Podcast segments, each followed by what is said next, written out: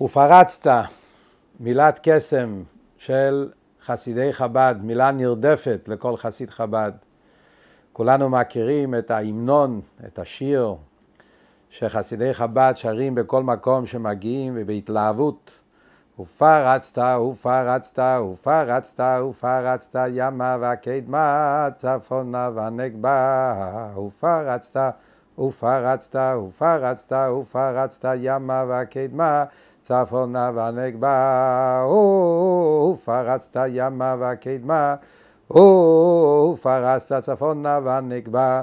השיר הזה, שיר שהולך עם כל חסיד בכל מקום שהוא הולך, כשהוא מגיע לכל מיני מקומות, להניח תפילין עם יהודים, להביא להם את שמחת החג, להביא להם את מצוות נרות שבת קודש. בכל מקום, בכל פינה אתה תמצא חסידי חב"ד, ותמיד בהתלהבות האופיינית של החסיד ובשמחה, עם הריקוד של ופרצת. מה יש במילה הזאת, מה המשמעות שלה, למה המילה הזאת היא מילת מפתח, מילה שכובשת, מילה ש... מילת קסם שמרימה ומרוממת והולכת לפני המחנה.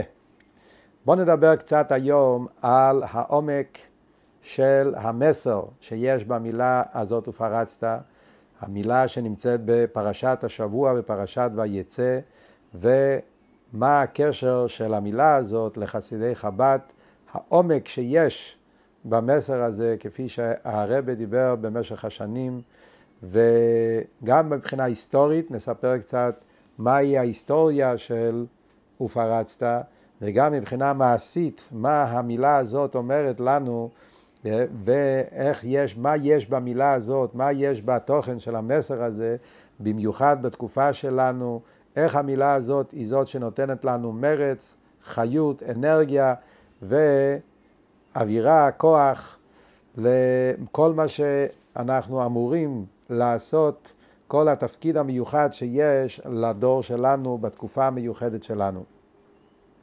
אז דבר ראשון, המילים ופרצת זה בעצם המילים שהקדוש ברוך הוא אומר ליעקב אבינו ברגע מאוד מאוד גורלי. התורה מספרת לנו בפרשת ויצא,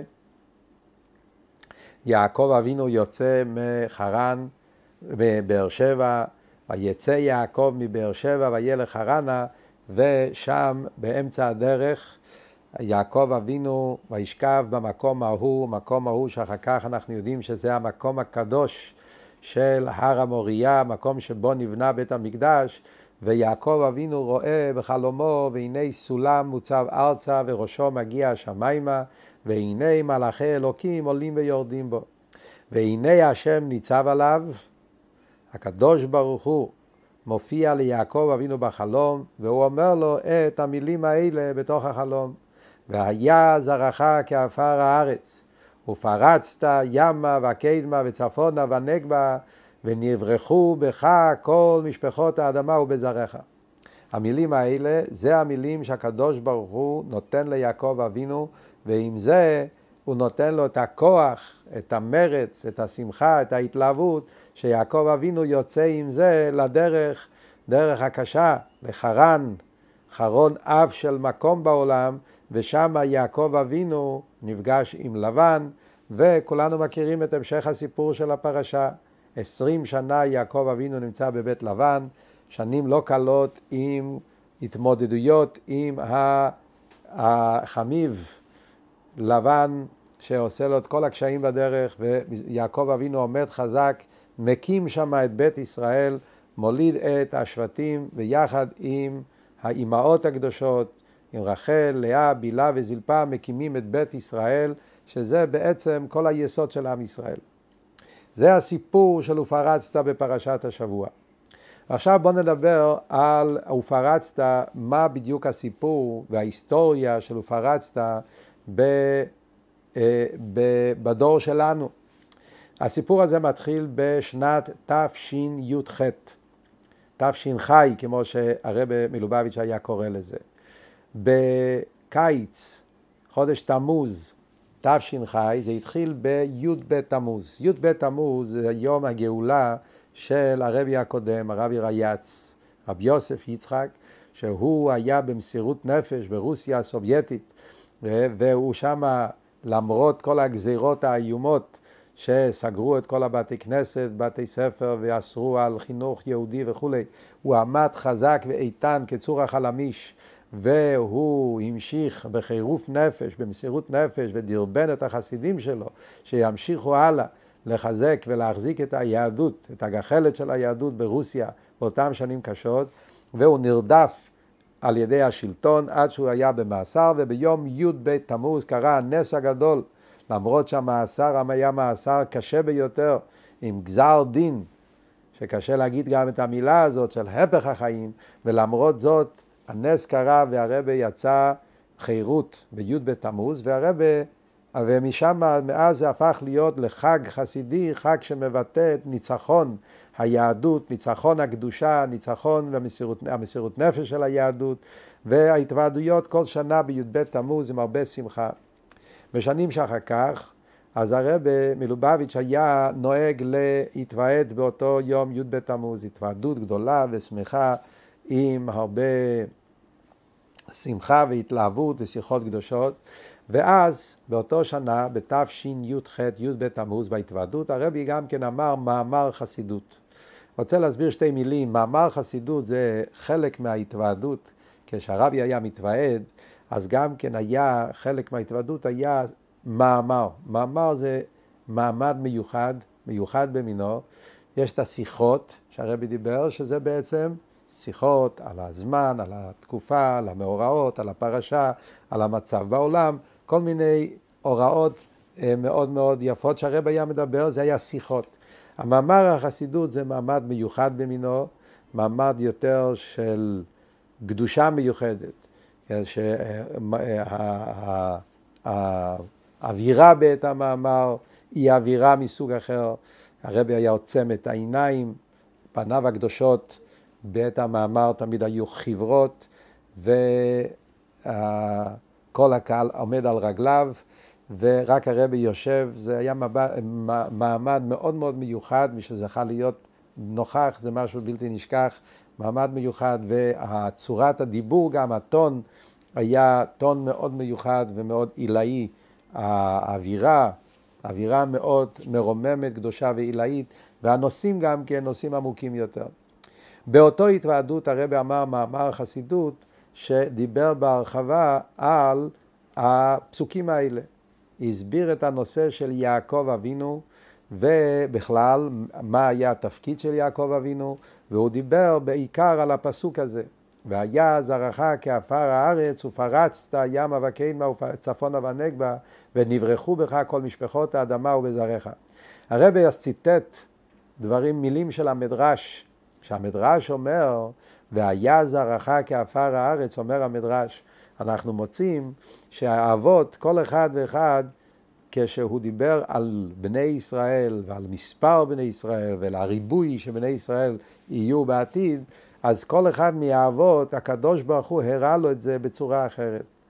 אצל אברהם אבינו היה ככוכבי השמיים, אצל יצחק יש ככל אשר על שפת הים, ואצל יעקב אבינו זה כעפר הארץ. המדרש מסביר מה המסר של כוכבי השמיים, מה המסר של חול הים, ומה המסר של כעפר הארץ. ואחד מהדברים שכתוב במדרש, שהקדוש ברוך הוא, המסר שאמר ליעקב אבינו, שיהיה זמן שעם ישראל יגיעו עד עפר, והיה זרעך כעפר הארץ, בני ישראל יגיעו עד לעפר הארץ, ואז יהיה ופרצת ימה וקדמה וצפונה ונגבה. כלומר, הקדוש ברוך הוא מראה פה בחלום ליעקב אבינו על עם ישראל בתקופות היותר קשות. כשבני ישראל יגיעו לזמן של הגלות, אבל בגלות עצמו בתקופות הכי חשוכות והכי שפלות והכי ירודות, היו זרעך כעפר הארץ, ויעקב אבינו יכול לראות את זה, וכמו שכתוב בעצם במדרש, המדרש גם כן מפרט שיעקב אבינו ראה בסולם, כל המשל של הסולם, יעקב אבינו ראה בסולם, הוא ראה בעצם גם כן את כל הגלויות, הוא ראה את הגלות הראשונה והגלות השנייה והגלות השלישית, הוא ראה את הגלות בבל, הוא ראה גלות פרס, הוא ראה גלות יוון, ועד שהוא ראה גלות אדום, שזה בעצם עשיו, הגלות הארוכה, שזה כל הסיפור של יעקב, הרי זה סיפור של יעקב עם עשיו, אבל בעצם יעקב אבינו רואה פה בחלום את העשיו גם בגלות האחרונה והכי ארוכה של אלפי שנים. ויעקב אבינו ראה שיגיע התקופה שהיה זרעך כעפר הארץ. הקדוש ברוך הוא אומר לו, תדע לך שבזמן הזה של כעפר הארץ, אז ופרצת ימה וקיימה. דווקא אז יהיה מצב שבני ישראל יפרצו קדימה, יצמחו, יגדלו, יתחזקו בצורה שיתפשטו ויתרחבו בכל העולם, ימה וקדמה, צפונה ונגבה. זה בעצם המדרש, על המדרש הזה הרבי הסביר בצורה נפלאה וארוכה שההסבר המעמיק במדרש זה לא רק כמו שמסבירים בפשטות, בצורה הפשוטה של המדרש, זה אומר שלמרות שיהיה מצב של כפר הארץ, למרות זאת ופרצת. אלא הפירוש הוא להפך, דווקא. הפירוש הפנימי העמוק שחסידות נותנת לפסוק הזה זה אדרבה. והיה זרעך כעפר הארץ, דווקא בזמן של כעפר הארץ ומתוך עפר הארץ, מתוך החושך, מתוך העפר, מתוך תכלית השפלות ותכלית הירידה, אז דווקא שם מגיעה הצמיחה הכי גדולה, הכי עמוקה והכי נפלאה של עם ישראל, שהם מגיעים לפריצה הכי גדולה. ופרצת, המילה ופרצת, הסביר הרב, מתקשר הרי גם כן עם מלך המשיח. הרי ידוע, אנחנו נלמד את זה עכשיו בפרשיות הבאות, שיהודה, אחד מהבנים של יעקב אבינו, הבן הרביעי, יהודה, ילד כמה ילדים, ואחד מהם היה פרץ. פרץ הוא אחד מהבנים של יהודה. מפרץ יצא אחר כך כל משפחת, משפחת המלוכה של דוד המלך. דוד המלך הוא מבני פרץ, במגילת רות מסופר בדיוק מי הבן, מי אבא, בן אחר בן, איך שמיהודה ואחר כך פרץ, חצרון וכולי וכולי, עד שמגיעים לדוד המלך, דוד בן ישי, שהוא היה בן אחר בן של פרץ. ולכן דוד המלך, ואחר כך ממנו יבוא כל מלכות בית דוד, עד המלך המשיח, שמלך המשיח הוא הרי יקום מלך מבית דוד, אז גם כן הוא נקרא בשם פרץ, מבני פרץ. איש בן פרצי, אנחנו אומרים את זה גם כן בלכה דודי, ששרים בקבלת שבת, אז גם כן אומרים שם בן ישי הפרצי שהוא מגיע מבית פרץ, ועל משיח הרי כתוב בפסוק יעלה הפורץ לפניהם, כלומר שמלך המשיח נחשב לפורץ כי הוא בעצם יפרוץ את כל המחיצות, את כל הגבולות, את כל הדברים, ש... הדברים ש... שבזמן הגלות יש את כל המיני מחיצות שמקשים על היהודי לפרוץ קדימה, וזה העניין של מלך המשיח, שיעלה הפורץ לפנינו, שהוא יפרוץ את כל המחיצות והחומות של חושך הגלות, ואז תהיה בעצם הגאולה האמיתית והשלמה של הרחבה, הרחיבי מקום אוהלך, פרזות תשב ירושלים, שעם ישראל וארץ ישראל תתפשט בכל הארצות בצורה של פריצת דרך בלי הגבלות. אז זה בעצם המסר פה שהקדוש ברוך הוא אומר ליעקב אבינו, והיה זרעך כעפר הארץ, דווקא מתוך העפר, דווקא מתוך החושך הזה, דווקא מתוך המקום הכי תחתון והכי נמוך, שמה פורץ, שמה פורצת, הכוח, פורצים הכוחות היותר עמוקים, היותר נפלאים של העם היהודי. וזה אנחנו רואים בצורה מוחשית, שדווקא בתקופות הכי חשוכות, עם ישראל דווקא אז כאשר יענו אותו כן ירבה וכן יפרוץ. רש"י הרי מביא את הפסוק הזה על הפסוק פה.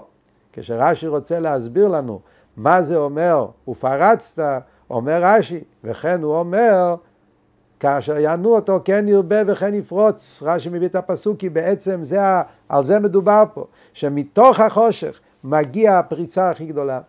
וזה הכוח שיש לעם ישראל, שדווקא בתקופות הכי חשוכות, שהגיע גזירות וזמנים קשים, זמנים שהיה נראה כאילו שאי אפשר יותר, דווקא אז עם ישראל פרץ וצמח בצורה נפלאה ביותר שאין כדוגמתו. הרבי הסביר את הנושא הזה בצורה רחבה מאוד, מאוד יפה, מאוד נפלאה, גם בקשר לכל נשמה ונשמה. הוא הביא את דברי האור החיים הקדוש בפרשת השבוע, שהוא מסביר את כל פסוקי הפרשה, ויצא יעקב, שזה בעצם הולך על כל יהודי. כל יהודי, כל נשמה יהודית היא מבחינת יעקב. באר שבע מסמל על העולם העליון, הגן עדן, המקום איפה שהנשמה נמצאת לפני שהיא יורדת לעולם, ומבאר שבע הנשמה יורדת לחרן, שזה בעצם העניין של חרון אף, המקום הכי תחתון והכי ירוד, נשמה מתלבשת בגוף, עם נפש בהמית, עם יצר הרע, עולם חשוך, עולם מלא קליפות וסדרה אחרה, עולם מלא טומאה, ובמקום הזה קורה כל התהליך הזה הנפלא של שהנשמה מגיעה מתוך החושך הזה למקום הכי גבוה, הכי עמוק, כמו שחסידות מסבירה. הנושא של הירידה הגדולה ביותר, שמשם מגיעה העלייה הגדולה ביותר. זה, זה היה המסר, ב, ב, ב, ככה זה התחיל. משם הרב עבר אחר כך בהתוועדויות, בשבועות שאחרי זה, להביא את המסר הזה העמוק והנפלא של תורת החסידות לשלבים מעשיים.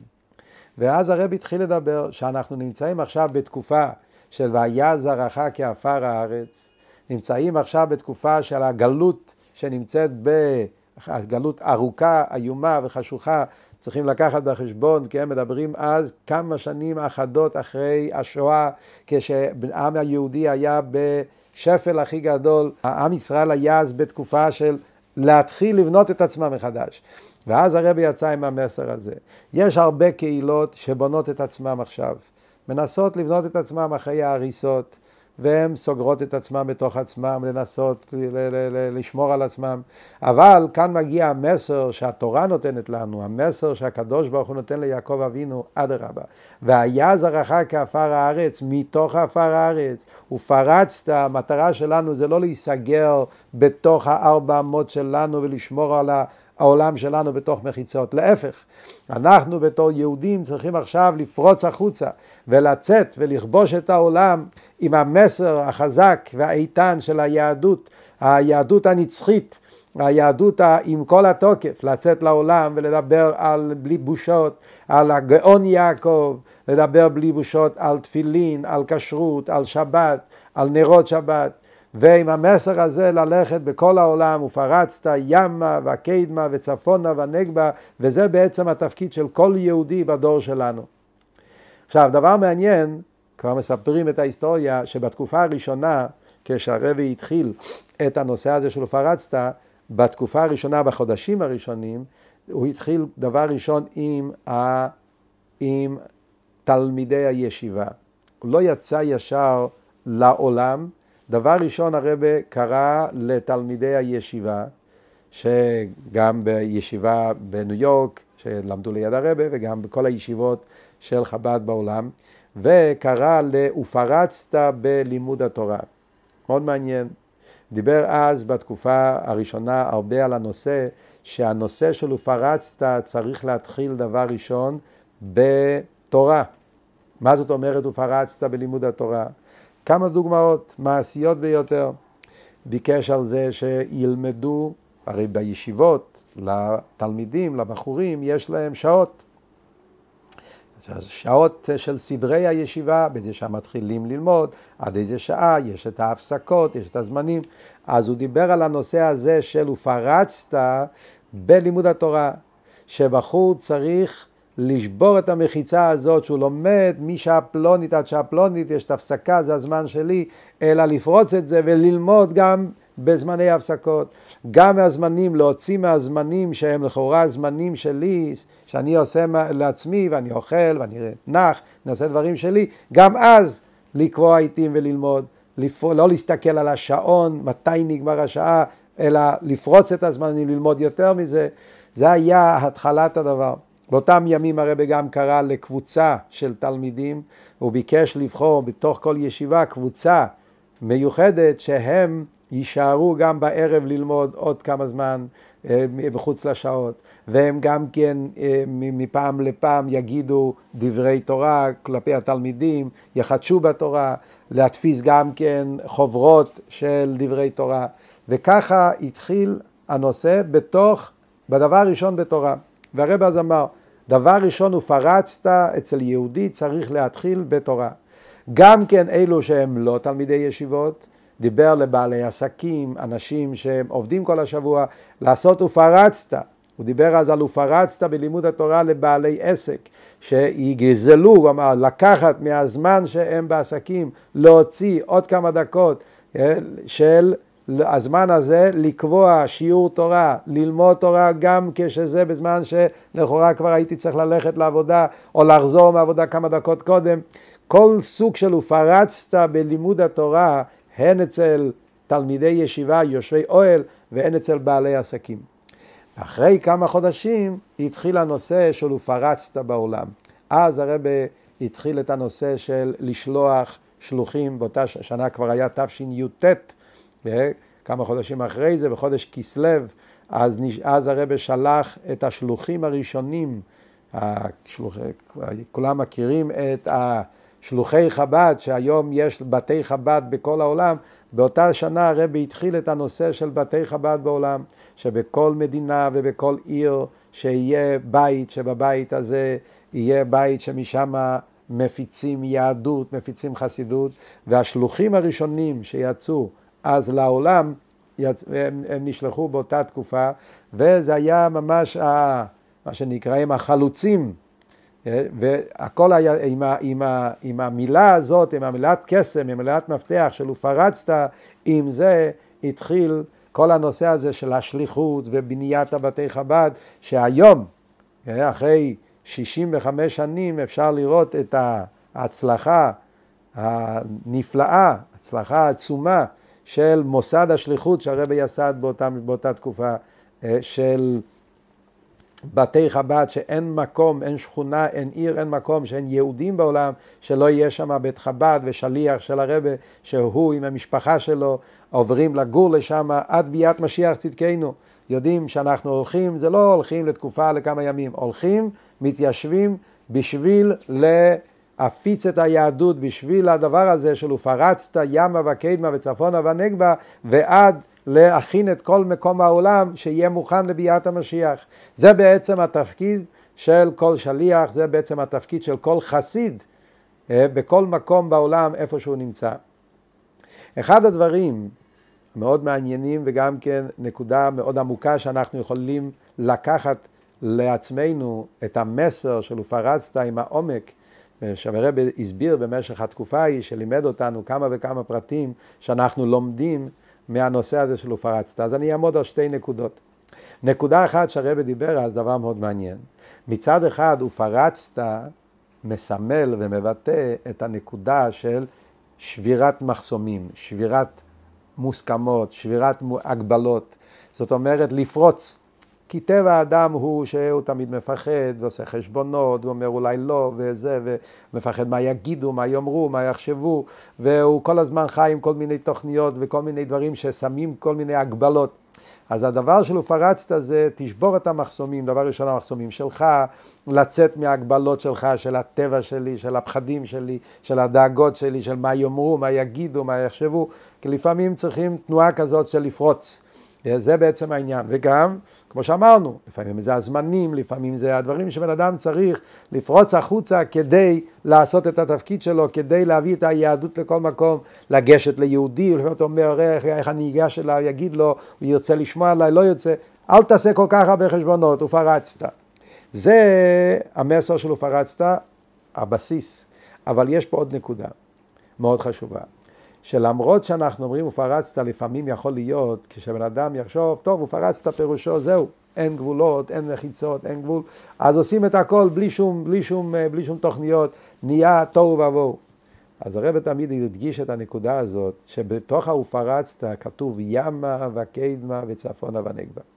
זאת אומרת, הפסוק עצמו מדגיש לך שיש פה ים, יש ימין ויש שמאל ויש יש מזרח, יש מערב, יש צפון ויש דרום. זאת אומרת, יש גבולות. ובתוך הגבולות האלה צריך לעשות ופרצת. מה המסר? המסר הוא מאוד חשוב. המסר הוא שהופרצת זה לא בלגן. ופרצת זה לא שבירה בלי גבולות ובלי מחיצות ואין שום דבר.